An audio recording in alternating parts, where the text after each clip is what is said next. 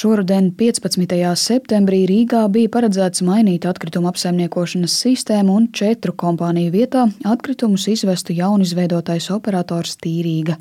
Taču konkurences padome iebilda pret monopolu uz 20 gadiem un nepilnu nedēļu pirms atkritumu izvedēju maiņas liedza Tīrīgai sākt darbus. Un e, pagaidu noregulējumu tātad punkts, galvenais, pirmais un galvenais punkts ir, ka pašvaldībai un getliņiem nekavējoties jāaptur e, koncesijas līguma izpilde no noslēgšanas brīža. Un... Taču jau pirms konkurences padomes vadītājs Skaidrītas Ābrams paziņojuma īpaši aktīvi pret pašvaldības atkritumu apsaimniekošanas sistēmu iestājās iedzīvotāji no organizācijas apkaimju alianse. Mēs vispār domājam, ka vidas organizācijas būs tās, kas izcīnīs šo cīņu, bet tas klusums bija tāds aizdomīgs. Nu, tā kā mēs pēc savas būtības esam tādi, nu, kā, ja kaut kas ir nepareizs, tad pret to ir jāiestājas. Un tad mēs sapratām, ka mums tas ir jādara. Viens no organizācijas pārstāvjiem Māris Jansons atminas, lai arī par monopolu sistēmas veidošanu atkritumu jomā koncepcija tapa jau pāris gadus iepriekš, taču šovasar sākot to īstenot arī praktiski, Rīgas apkaimju alianse lēma iejaukties un atklāti aicināt iedzīvotājus neparakstīt sagatavotos līgumus ar tīrīga vēl pirms konkurences padomas lēmuma. Mūsuprāt, izskatījās diezgan pārliecinoši, ka konkurences padome pieņems lēmumu un teiks, ka šis nav pareizi.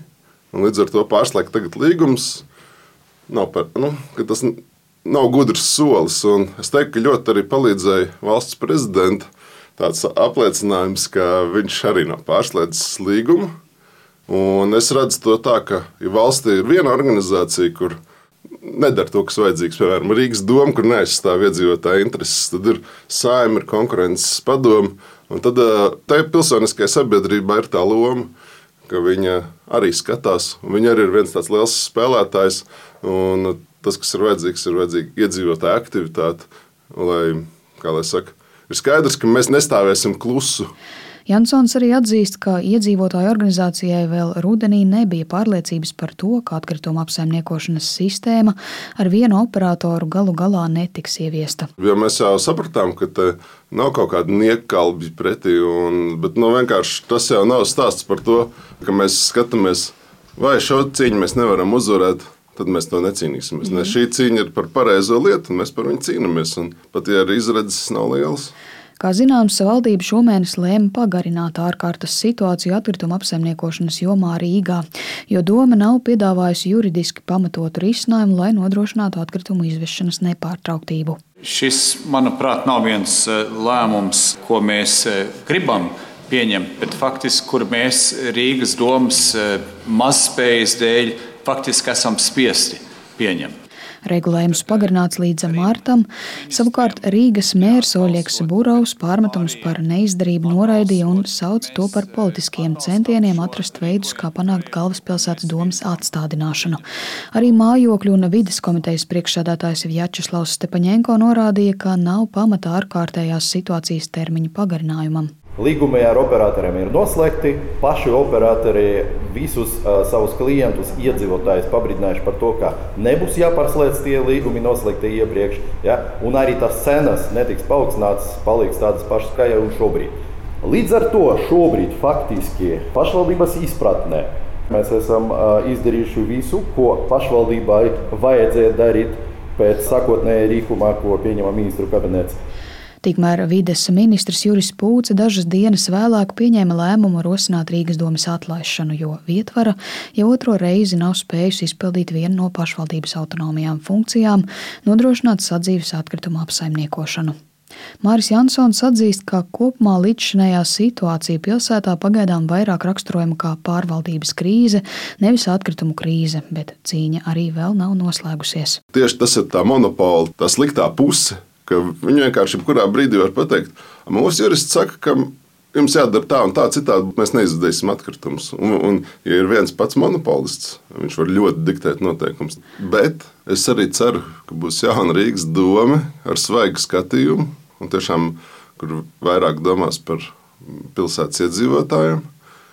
Un Man arī ir tāda sajūta, ka saima, šī saima ir diezgan sakarīga un viņi varētu pieņemt arī likumā izmaiņas. Varbūt Tas būtu vienkārši kā monopola aizliegums Rīgā, bet te varētu būt arī kādi citi risinājumi. Bet Kā tas viss iegrozīsies, es nezinu. Jāpiebilst, ka daļa organizācijas pārstāvju jau paziņojuši par kandidēšanu gaidāmajās Rīgas domas ārkārtas vēlēšanās. Pats Jansons politikā neplāno iet, taču vērtē, ka pāriešana no pilsoniskās aktivitātes sektora uz politisko ir likumsakarīga. Domāju, tas ir normāls process, jo tai politikai visu laiku vajag tās jaunās asins. Politika nav viegls darbs.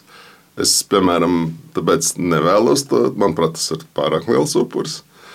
Un, Apkaimē alianses tomēr ir tāds nepolitisks spēks, tāpēc ir nolēmuši iesaistīties politikā, saka, tā mēs tagad pārtraucam darbību, iesim politikas virzienā.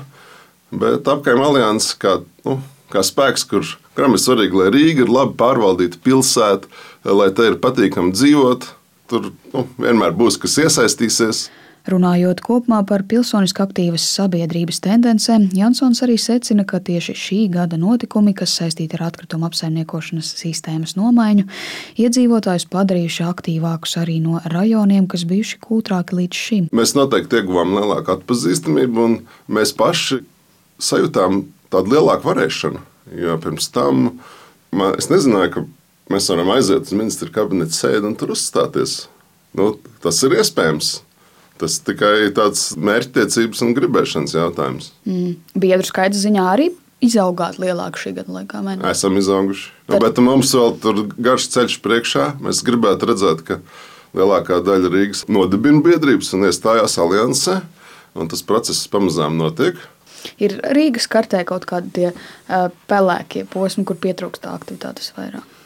Es neteiktu, ka ir pelēkie, bet ir tā, ka visi tie lielie daudz dzīvokļu māju rajoni, guļama rajoni kā īmanta vai zolitūda vai pļāvnieki, tur eh, grūtāk ir eh, veidot tādas aktivitātes, jo tas daudz dzīvokļu māju, tā, nezinu, tā vide neveicina to. Jo privāta māja īpašnieki, jau pirmkārt ir vairāk vērst uz to, ka es gribu Es esmu pats atbildīgs par to vidas apkārtni, nevis kaut kāds Rīgas nama pārvaldnieks.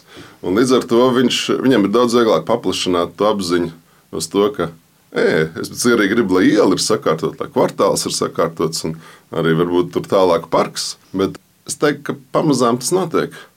Es redzu, ka imantā jau ir tādas aizmetņi, lai izveidotos biedrību purciemā jau ir. Apkaimju biedrības pārstāvis Māris Jansons vēl noslēdz, ka viņa prāt neatkarīgi no tā, kādi politiskie spēki pārvalda galvaspilsētu, iedzīvotāju interesēs ir svarīgi, lai lēmumi ir caurskatāmi un efektīvi. Sinti Ambot, Latvijas radio.